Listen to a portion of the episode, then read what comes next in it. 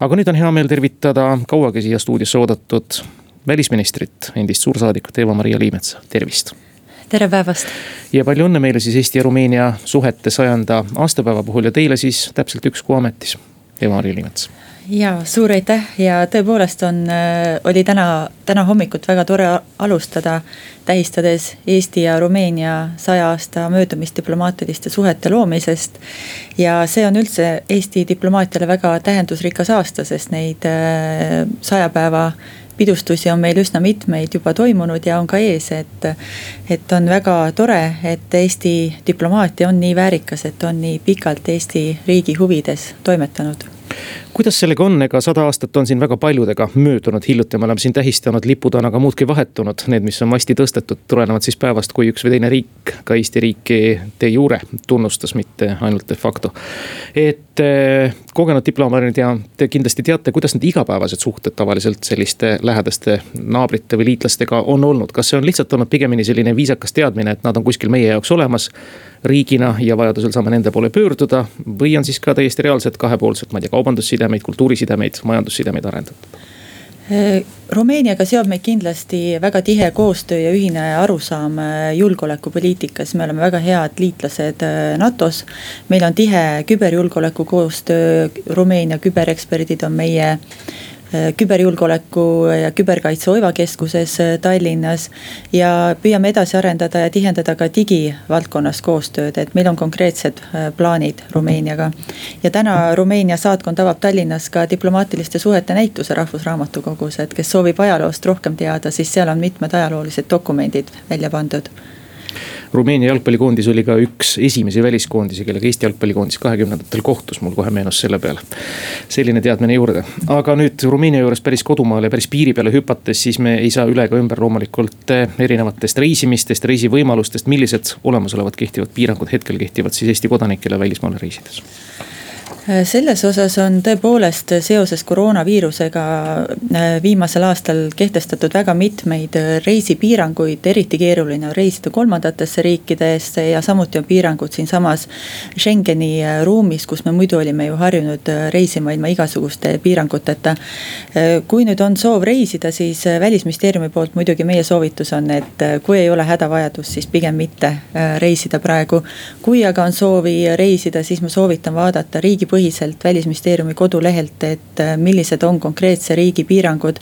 me uuendame seda infot kord nädalas kolmapäeviti, nii et selles osas meie info on suhteliselt värske kindlasti tasub vaadata ka Reisitargalt äh, lehte ja, ja reisile minnes ma soovitan ka Reisitargalt lehel ennast registreerida, sellepärast et. kui satute kolmandas riigis äh, olema just sellel ajal, kui seal reisipiiranguid karmistatakse või on mõni teine põhjus, miks on hea äh, teada teie kontakti, et saata teile teavitus, kuidas on võimalik tagasi Eestisse pöörduda, siis see on kindlasti hästi praktiline Eesti kodanikele reisimisel tavakodanikuna, kes aeg-ajalt vaatab Facebookist või Instagramist kellegi pilte, ma pean tunnistama, ega see kolmandatesse riikidesse reisimine üldse nii keeruline ei tundu. lennujaamast ma olen näinud selliseid järjekorrapilte ja kaunid puhkusepildid vaatavad Sharm el Sheikhist vastu, mis asi see toimub siis? Äh, ja kindlasti on neid inimesi, kes äh, võib-olla ei ole seotud niimoodi tööga, ega neid ei hirmuta ka see, et reisilt tagasi tulles tuleb jääda Eestis eneseisolatsiooni ja, ja inimesed ikkagi äh, lähevad reisile, kui need võimalused on olemas ja. eks Eestis see pime talv on selline aeg, kui inimesed otsivad päikselist kohta korraks, et sellest kindlasti on võimalik aru saada, kuid arvestades seda koroonaviiruse levikut, siis me pigem jah, ei soovita praegu. seega siis Eesti riik ei ole lukku pandud, lukuvõti me ei ole lukku pandud, kuid äh, miks me ei soovita, on see, et kindlasti ei ole mõtet täna loota sellele, et me Eesti riigi poolt saaksime pakkuda tuge tagasireisimisel, kui inimene jääb kusagile äh, lõksu seoses koroonapiirangutest tulenevate reisitõrgetega see oli nüüd kümme päeva tagasi, kui te pidasite senise välisministri kaalukaima kõne, see oli oma parlamendile ja see oli siis välispoliitika arutelus ja väga palju hakkas kohe elevust tekitama, oma elu hakkas elama. ekspertide kommentaare juurde noppima, siis avaldus selle kohta, et vabariigi valitsus on valmis edasi liikuma Eesti-Vene piirilepingu ratifitseerimisega. oli see nüüd lihtsalt välja käidud või väga kaalutletud sõnum, et tegelikult nõndaviisi ongi, et selle asjaga saaks nüüd lõpuks pärast aastaid ühele poole? Noppisin tõepoolest sellesse ettekandesse koostöös välisministeeriumi äh, diplomaatidega ikkagi meie jaoks äärmiselt kaalukaid küsimusi, mis me oleme sellesse aastasse toonud ja mis on äh, tänase valitsust, tänast valitsust iseloomustavad äh, välispoliitilised teemad ja, ja tõepoolest meie poolt on eh, tahe minna edasi piirilepinguga ja seetõttu see sai sinna eh, ettekandesse sisse pandud.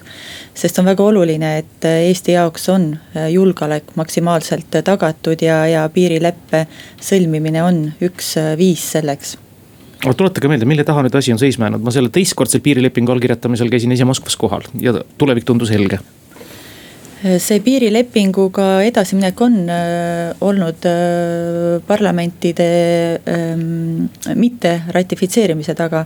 nii et äh, ka siinkohal on oluline see, et, et Eesti poolt me selle teema väljaütlemise kaudu andsime selge signaali Vene poolele, et me oleme huvitatud sellega edasi liikumast ja nüüd ongi see mõlema poole mõlema riigi parlamentide kätes, kus peaks see protsess paralleelselt edasi liikuma.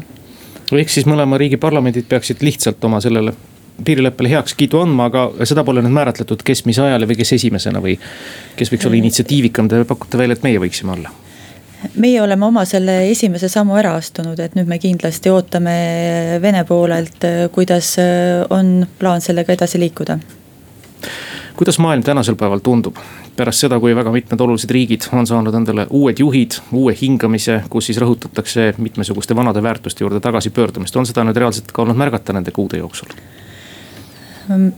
kindlasti on äh, viimasel kuul olnud tugevalt tunda seda, et äh, transatlantiliste suhete tugevdamiseks on äh, tugev tahe mõlemal pool ookeanit.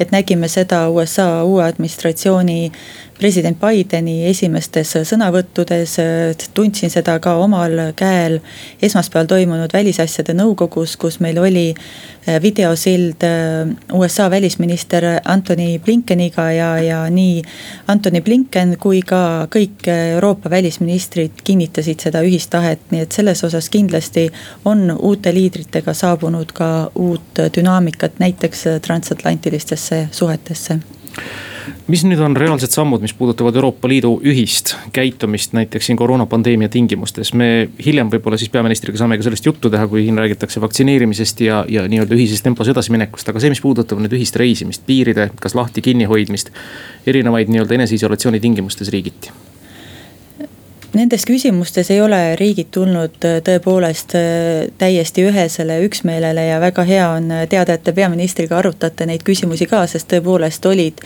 need küsimused just ka ülemkogu agendas. ja mis on olnud siin keeruliseks, on, mis on teinud asja riikide jaoks keeruliseks, on see, et see viiruse levik on erineva kiirusega olnud erinevates riikides, et ei ole nii, et meil kõigil on olnud oktoobris keeruline ja veebruaris on numbrid all, et. et see dünaamika on riigiti hästi erinev ja seetõttu on nende ühtsate piirangute kokkuleppimine olnud ka keeruline. kuid selle poole siiski äh, püüeldakse. Äh, näiteks on praegu ikkagi Euroopas vähemalt tagatud transiit ilma viperusteta, mis on samm edasi sellest, mida me nägime kevadel, kui ka transiit oli äh, takistatud.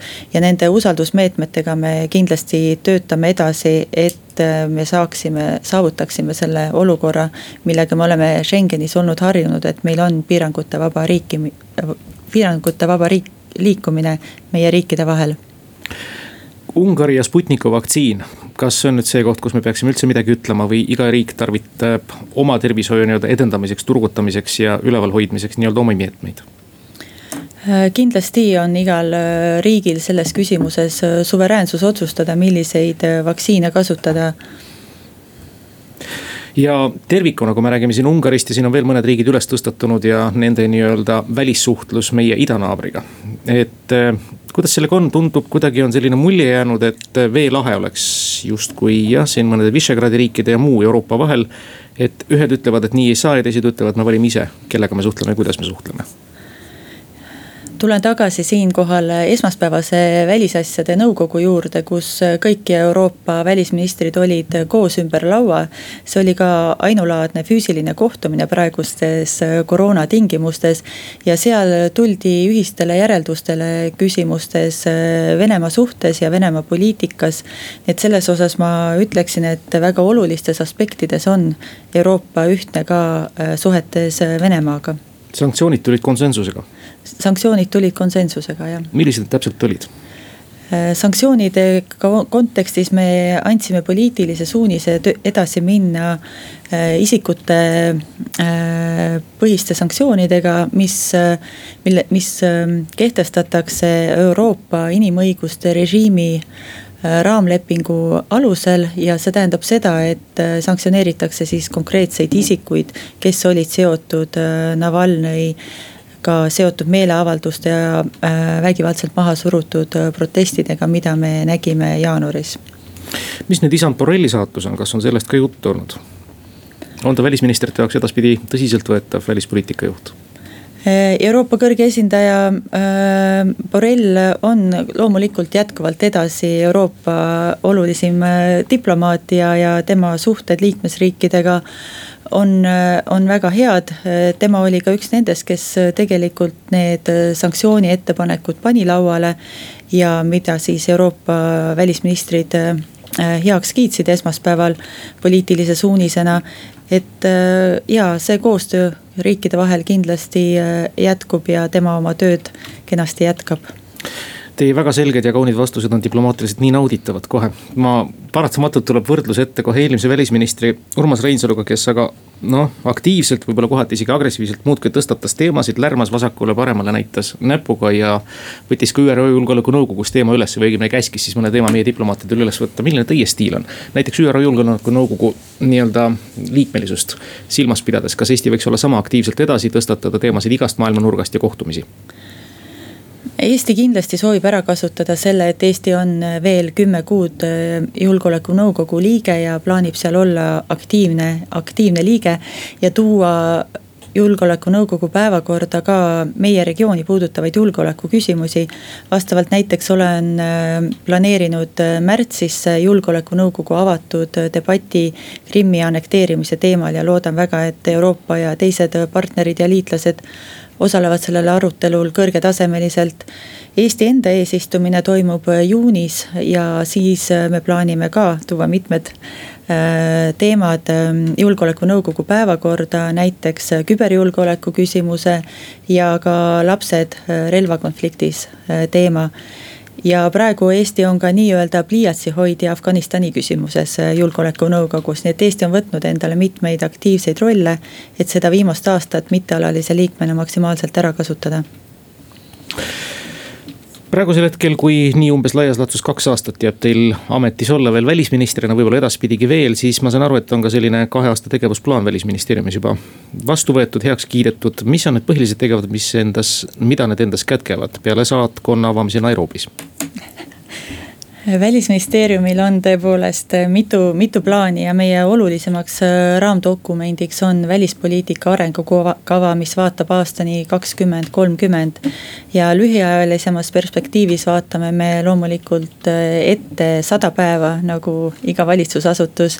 ja, ja aasta lõpuni, et meil on väga oluline kinnistada liitlassuhteid, äh, tugevdada sidemeid uue USA administratsiooniga. sel aastal on meil meile teadaolevalt on ees NATO tippkohtumine, ettevalmistused selleks on meile olulised.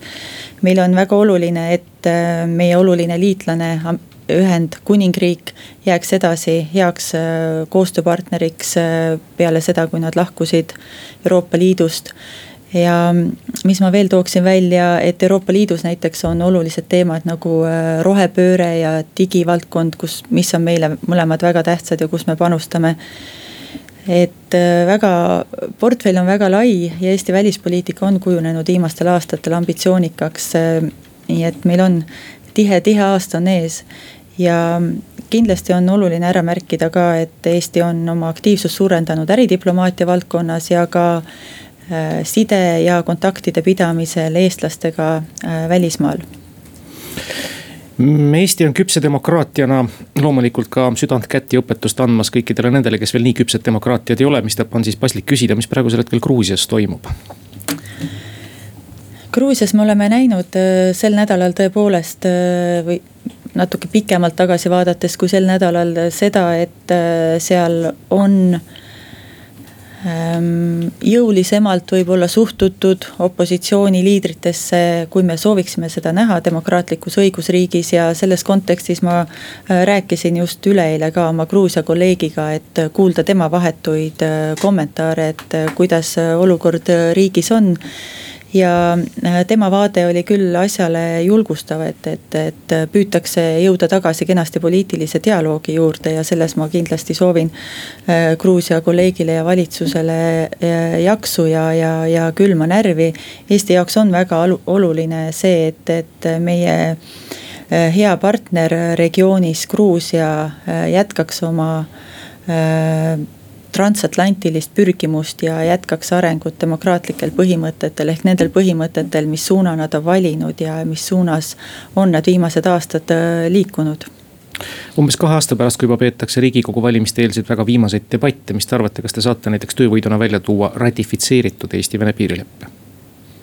selle üle oleks mul kindlasti hea meel ja kas te julgete juba ka välja anda nii-öelda poliitilisi hinnanguid toimuvale enam juba siis mitte diplomaadi, vaid poliitikuna, et kas see ajastu, mis nüüd, mille kohta on öeldud, et ta on selline trumpism või, või, või populistide ajastu siin-seal riikides, et see on juba natukene vaibunud. see riik muide, kus te tulite suursaadiku ametist Tšehhist, ega sealgi ju kõneldi Babišist kui selle valdkonna nii-öelda poliitikust keeruline on hinnata, et kus me oleme sellise populismi, populismi ajastuga ühes või teises riigis, kuid äh, ma arvan, et see on tõepoolest rohkem ühe või teise riigi rahva kätes, keda nad valivad ennast äh, esindama, et äh, ma väga loodan, et et jah, valitsused ja poliitikud, kes on valitud, täidavad oma rahva mandaati ja tegutsevad oma riigi parimates huvides, et see on see, mis ma oskaksin sellele küsimustele teil vastata stuudios on välisminister Eva-Maria Liimets ja nüüd on käes seekord Kuku raadio eetris, kus teil, head kuulajad, telefoninumbril kuus, kaks, üks, neli, kuus, neli, kuus on võimalus saatesse sekkuda, otse-eetris küsida küsimusi.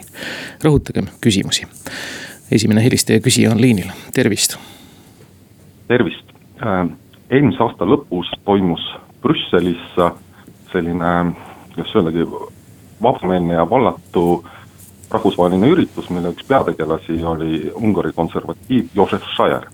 Eesti riiki ja diplomaatilist korpust esindas seal keegi vist Oleg Dmitrijev, ma loodan, et ma ei eksi nimega. et minu küsimus teile on, et äh, äh kas äh, kuidas te suhtute nagu Oleg Dmitrijevi nagu saavutustesse diplomaadina, kas ta jätkab oma tööd või saab ta aukõrgendust? Ja kas teie arvates ei või selline käitumine kujutada endast teatud julgeolekuriski, sellepärast ma kujutan ette, et kindlasti ka FSB vaatab sellist eh, noh, vallatu pilguga selliseid diplomaate, aitäh teile. aitäh selle küsimuse eest! Ähm Oleg Dmitrijev on Eesti välisteenistuses pikaajaline diplomaat ja ta on kindlasti väga hästi ja edukalt Eesti huvisid äh, kaitsnud ja edendanud. mis puudutab tema eraelulist äh, osalust äh, Brüsseli üritusel, et, et seda ma omalt poolt äh, hea meelega ei kommenteeriks, kuid äh, kindlasti on äh, väga tähtis igale Eesti diplomaadile, igale Eesti esindajale, et me esindame oma riiki väärikalt ja, ja oma riiki ausse jätvalt.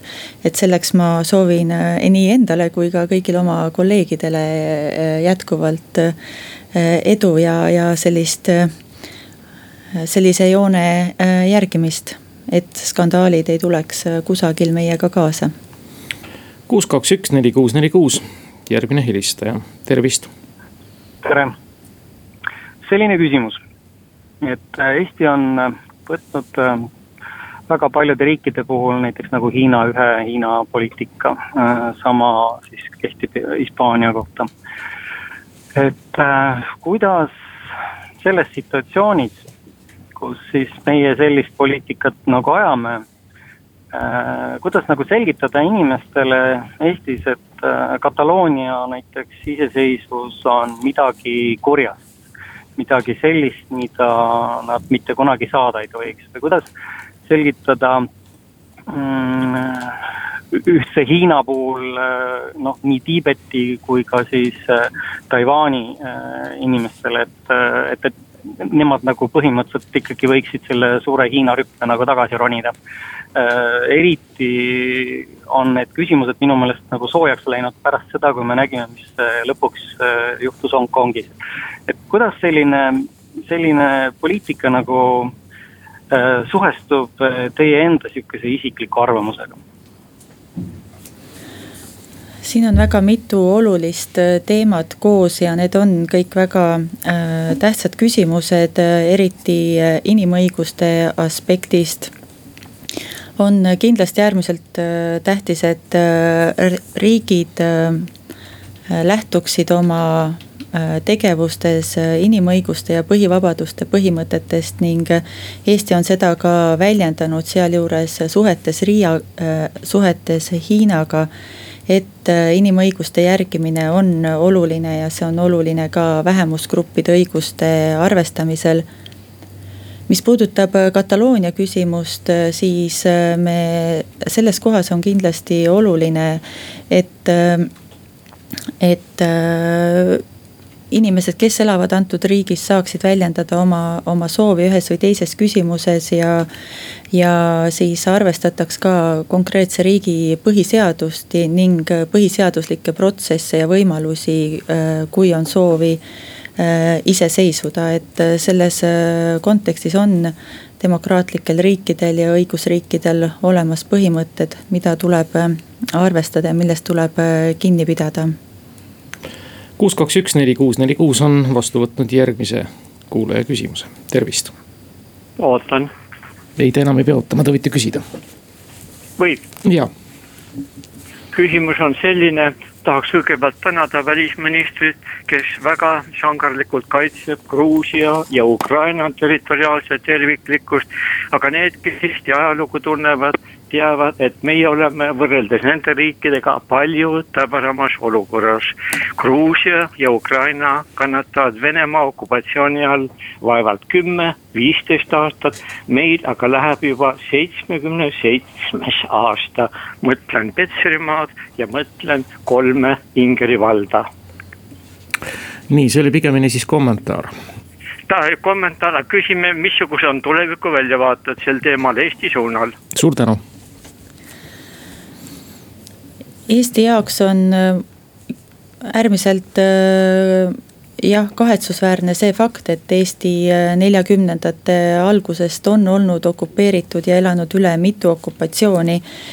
ja, ja see on jätnud oma, oma, oma jälje Eesti ajalukku kuid positiivse noodina saab äh, öelda, et üheksakümne esimesest aastast oleme me taasiseseisvunud äh, riik ja, ja oleme saanud oma riigi territooriumil viia ellu Eesti, Eesti rahva jaoks valitud poliitikaid.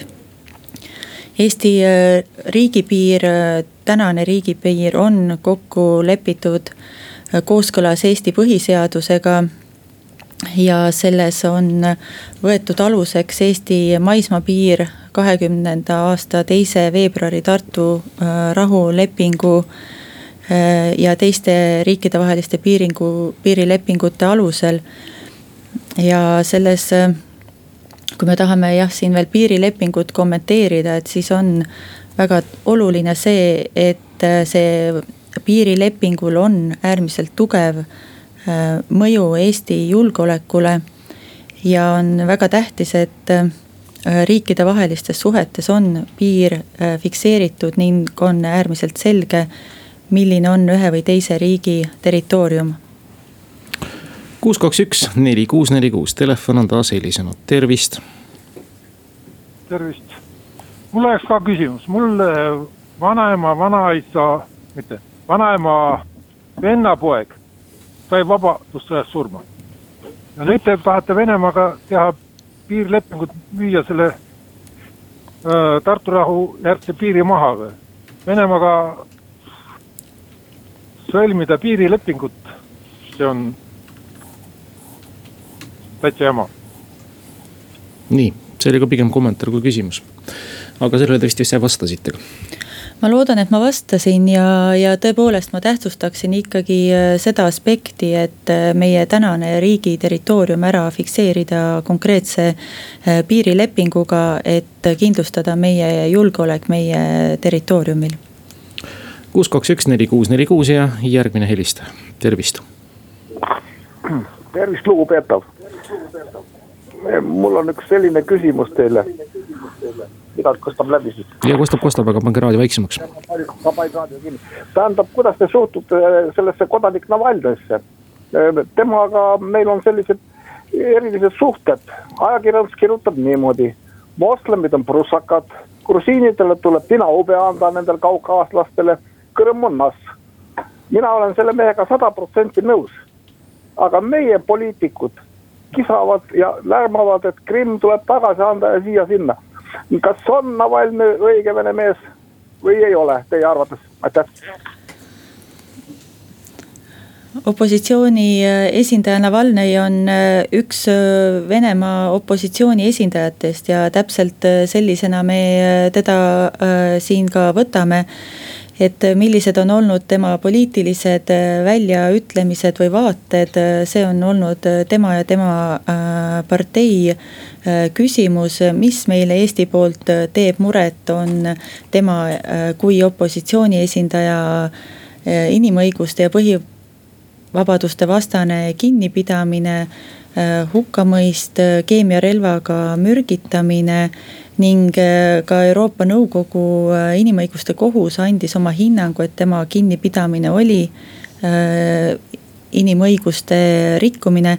et need on need aspektid, mis meile teevad Navalnõi puhul muret ja samuti tegid muret ka need meeleavaldused, kus mida, mis peeti tema toetuseks, kuid mis siis said tugeva Äh, vägivalla kaudu maha surutud. et need on need aspektid, mis meile Navalnõi puhul ja tema kinnipidamise puhul teevad äh, muret. Kuus, kaks, üks, neli, kuus, neli, kuus ja võtame järgmise helistaja liinile, tervist. tere, sooviks küsida sellist asja, mis seisukoha ja mis arvamuse äh, ütlete teie Venemaa ja Soome Eh, kohtumise kohta, kus eh, siis Venemaa Soomet väga kiitis ja, ja Baltikumi eh, siis väga laitis. et mis, mis, mis teie arvate sellisest, sellisest suhtumisest, aitäh. aitäh ma spekuleerin praegu, et te viitate sellele hiljutisele Soome välisministri Pekka Haavisto ja Vene välisministri Lavrovi kohtumisele Äh, seal äh, taustaks on loomulikult äh, teada, et Soome on valinud sellise mõneti avatuma Venemaa poliitika, kui seda on Eesti teinud NATO liikmesriigina. ja see kohtumine toimus tõepoolest eemalt vaadates võib öelda, et see oli sellises Äh, konstruktiivses võtmes see kohtumine. kindlasti tuleb siin ära märkida, et Soome välisminister tõi välja ka need murekohad, mis me oleme ka Eesti poolt ja Euroopa poolt Venemaale öelnud ja need puudutasid inimõiguste rikkumisi. ja ka Venemaa poolset naaberriikide territooriumite annekteerimist, et selles osas ma arvan, et on väga oluline, et Soome on tõepoolest sellist Äh, poliitikat jätkanud, et on ajanud enda jaoks olulisi küsimusi, kuid on äh, ära märkinud ka need murekohad, kus me näeme, et Venemaa on rikkunud endale vabatahtlikult rahvusvaheliselt võetud kohustusi telefon stuudios kuus, kaks, üks, neli, kuus, neli, kuus on helisenud võtmaks vastu küsimusi välisminister Eva-Maria Liimetsale, tervist. tere päevast, minul oleks selline küsimus. vaadates Venemaa poliit talk show'si seal tehakse meist ääretult äh, ebameeldivat riiki Eestist, natsiriiki ja mis me kõik oleme. ja, ja rõhume vene vähemust ja nii edasi ja nii edasi. mida siis Eesti peaks siis tegema, et kangesti meeldiva, meeldida Venemaale? et meie selline väikene, väikene äh, äh, vastutulek neile, et hakkaksime siis nagu piirilepingut siin siis sobitama, et tegema, aitäh teile Eesti jaoks on väga tähtis, et Eesti rahvusvaheline maine ja kuvand oleks äh, laitmatu. ja Eestil on palju põhjuseid selleks, et see nii ka on, Eesti on väga tugev äh, õigusriik Eestis on äh, väga hea õigusandlus, mis äh, puudutab Eestis äh, olevaid inimõiguste ja põhivabaduste teemasid, on see siis väljendusvabadus või on see siis laste õigused või on tegevused perevägivalla vastu ja nii edasi. et Eestil ei ole siin põhjust mitte midagi häbeneda. Eestile kindlasti teeb muret see, kui meie idanaaber meie seda head mainet soovib kahjustada Eesti ähm, äh, kindlasti kaitseb oma mainet rahvusvahelistes organisatsioonides. seal me tutvustame ka näiteks seda, kuidas me oleme viimase kolmekümne aasta jooksul aidanud kaasa äh, Eestis elavate vähemusrahvuste õiguste edendamisele. nii et selles osas ei ole Eestil mingit põhjust selliseid etteheiteid teha, nagu te oma küsimuses viitasite. kuus, kaks, üks, neli, kuus, neli, kuus ja järgmine helistaja, tervist. tere, et ähm, vot Eesti poliitikud räägivad sihukest nagu natuke skisofreenilist juttu. Venemaa absoluutselt ei täida ühtegi lepingut, aga kohe tuleks meil tormata ära kinkima seda Äh, Petserimaad. on teil mõni küsimus ka, äh, vabandust? mismoodi ja küsimus on jah see, et mismoodi siis peaks garanteerima hullult nüüd meie julgeolekul midagi juurde andma. kui äh, noh, sellises situatsioonis nagu praegu on selle Venemaa käitumisega, et kui see võib-olla algas, siis, siis mingil ajal oli nagu Venemaal väga nihuke. võib-olla midagi konstruktiivset paistis, praegu ei paista mitte midagi ja tegelikult Aldo Kalsi jutt on väga õige, et me kaitseme küll Gruusia ja muude Ukraina seda mm, territoriaalset terviklikkust, aga mitte Eesti oma. et selle kohta ikkagi tahaks kommentaari veel kuulata Eesti jaoks on äh, väga tähtis see, et meie territoorium äh, oleks äh, selgepiiriliselt määratletud.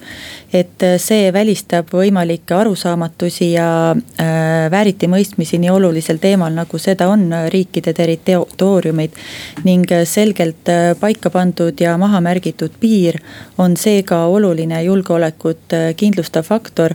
ja seda kindlasti ka praegu, kui tõepoolest teie pool, teie poolt väga väga äh, selgelt viidatud murekohad on äh, Venemaa poolse rahvusvahelise õiguse ja rahvusvahelise enda poolt vabatahtlikult võetud kohustuste äh, rikkumise näol, mida me oleme viimane, viimased aastad näinud. kuus, kaks, üks, neli, kuus, neli, kuus ja järgmine helistaja, tervist. tere, mul on üks küsimus kui läheb selleks piirileppe sõlmimiseks, mida on plaanis Venemaalt vastu küsida, kas on seda juba arutatud, võib-olla presidendi ametiraha, aga võib-olla veel midagi? piirileppe sõlmimise ümber ei ole seotud praegu teisi teemasid, et piirileping on kokku lepitud selliselt, nagu ta kahe tuhande neljateistkümnendal aastal viimati läbi räägiti ja kokku lepiti. ja Eesti-poolne signaal oli anda selle, äh, anda edasi tahe selle piirilepingu sõlmimisega edasi liikuda. ja vastavalt ootame, kuidas mõlema riigi parlamendid nüüd tööd jätkavad ja äh, paralleelselt äh, seda ratifitseerimisprotsessi edasi viivad ja ütleme kuulajatele ära, et kui te nüüd toote jälle välja mõiste, et kui me hakkame sõlmima, see on juba sõlmitud ja alla kirjutatud. ratifitseerimises on küsimus. kuulame need helistajad, tervist. tere, kui piirilepingu ratifitseerimise ajal riigiduuma deklareerib, et ähm, rahuleping on ka Eesti poolt asetatud kehtivuse kaotanud mineviku dokumentide hulka, siis mis on Eesti järgmine käik piirileping ei suuda asendada rahulepingut Eesti ja Venemaa vahele. piirileping ei anna julgeolekugarantiid. kas enne ratifitseerimist ei peaks Eesti ja Venemaa üheaegselt deklareerima rahulepingu kehtivust? kui Venemaa sellega nõus ei ole, siis Eesti piirilepingut ei ratifitseeri Eesti peaks rahulepingut kahjustama. mis on teie arvamus? Eesti jaoks on äh, teisel veebruaril tuhande üheksasaja kahekümnendal aastal äh, sõlmitud rahuleping äh, kriitilise tähtsusega meie iseseisvuse kujundamisel ja riigi loomisel. et see leping on tähtis, jääb tähtsaks ja selle põhimõtteid on seni austatud ja nende austamist jätkatakse mis puudutab äh, piirilepingu ratifitseerimist, äh, siis see on nüüd äh, parlamentide kätes. ja kui üks või teine parlament hakkab sinna siduma lisatingimusi, siis on teise parlamendi kätes ka see hoob, kuidas sellele reageerida. et mina omalt poolt valitsuse esindaja seda pikemalt ei kommenteeriks. et kindlasti me saame näha, et kas parlamendid liiguvad edasi heas usus või tuleb mängu mõni teine stsenaarium me kuulajate küsimusi rohkem vastu ei võta, see näitaja täpselt kümme. lõpetuseks mind on ikka huvitanud see, et diplomaadina teate kindlasti vastata, kuidas on väikeriigi võimalus tavaliselt suurele, väga mõjuvõimsale ja noh, nii-öelda ka endast sõltuma panevale riigile, noh stiilis Hiina või Venemaa, ilus öelda diplomaatiliselt, et nii ei ole ilus teha. ütleme, kas on see nõndaviisi, et sipelgas õpetab kaelkirja kikilipsu kandma, kui me ütleme Hiinale, et ärge kiusake uiguure riikidel on äh, rahvusvahelisel areenil kõigil üks hääl, kõigil on üks hääl näiteks ÜRO-s. Ühinenud Rahvaste Organisatsioonis. Ja see on kindlasti see koht, kus äh, inimõiguste küsimusi äh, tuleb tõstatada, kui nendega on ühe või teise riigi suhtes mure. Ja Eesti on seda ka teinud ÜRO kolmandas komitees, sealjuures Hiina kontekstis aga Hiinal on ikkagi natuke rohkem kui üks hääl, tal on seal nii-öelda alalise liikme staatus ja tal on võimalus seda kõike siis nii-öelda blokeerida, vetostada ja hane selga vesi. Hiina on üks viiest julgeolekunõukogu alalisest liikmest ja äärmiselt oluline äh, globaalse mõjukusega riik maailmas.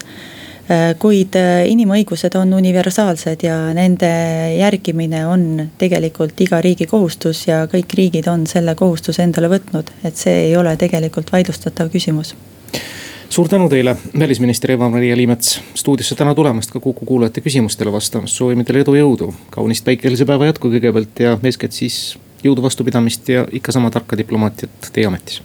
suur aitäh ja samuti kõigile kuulajatele head kena päeva jätku ja teile samuti, aitäh